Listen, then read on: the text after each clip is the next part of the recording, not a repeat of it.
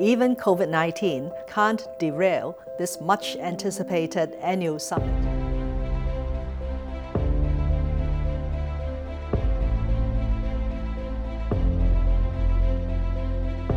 We need more regional and global cooperation. This is the best event gaining a full understanding for One Belt One Road developments.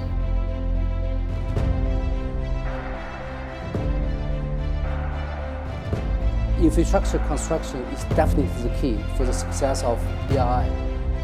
In terms of investment into Indonesia, China and Hong Kong combined last year was number one.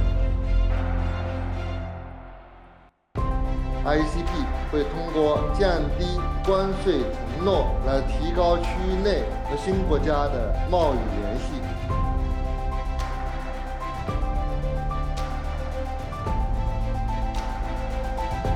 The Belt and Road Summit is a good exchange platform for SMEs to learn what's happening for business.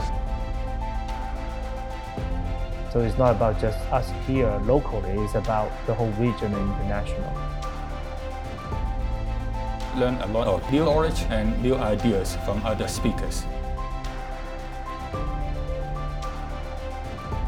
If you are wondering what the Belt and Road and the Greater Bay Area is, you have no better resource than TDC.